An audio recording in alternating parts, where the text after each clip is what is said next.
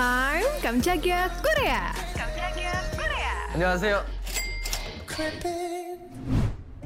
Wah wah wah, ada kabar dari aktor spesialis action, bad boy dan si vacuum cleaner nih.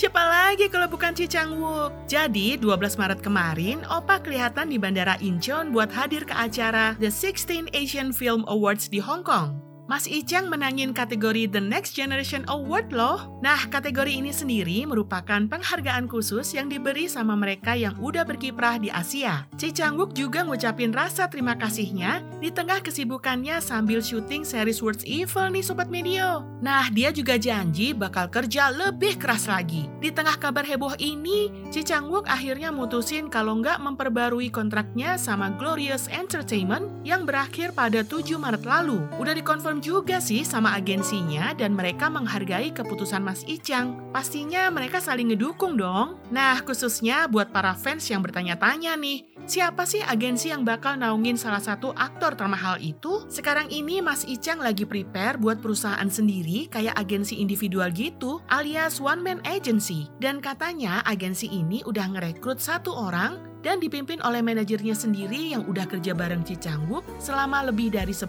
tahun. Apa pun itu, we support you, Opa. Dan pastinya, nungguin project terbarunya yang bakal tayang di tahun ini. Gue, Dwi Ayu pamit. Jangan lupa nonton videonya Kamjagia Korea What's On di YouTube Media by KG Media.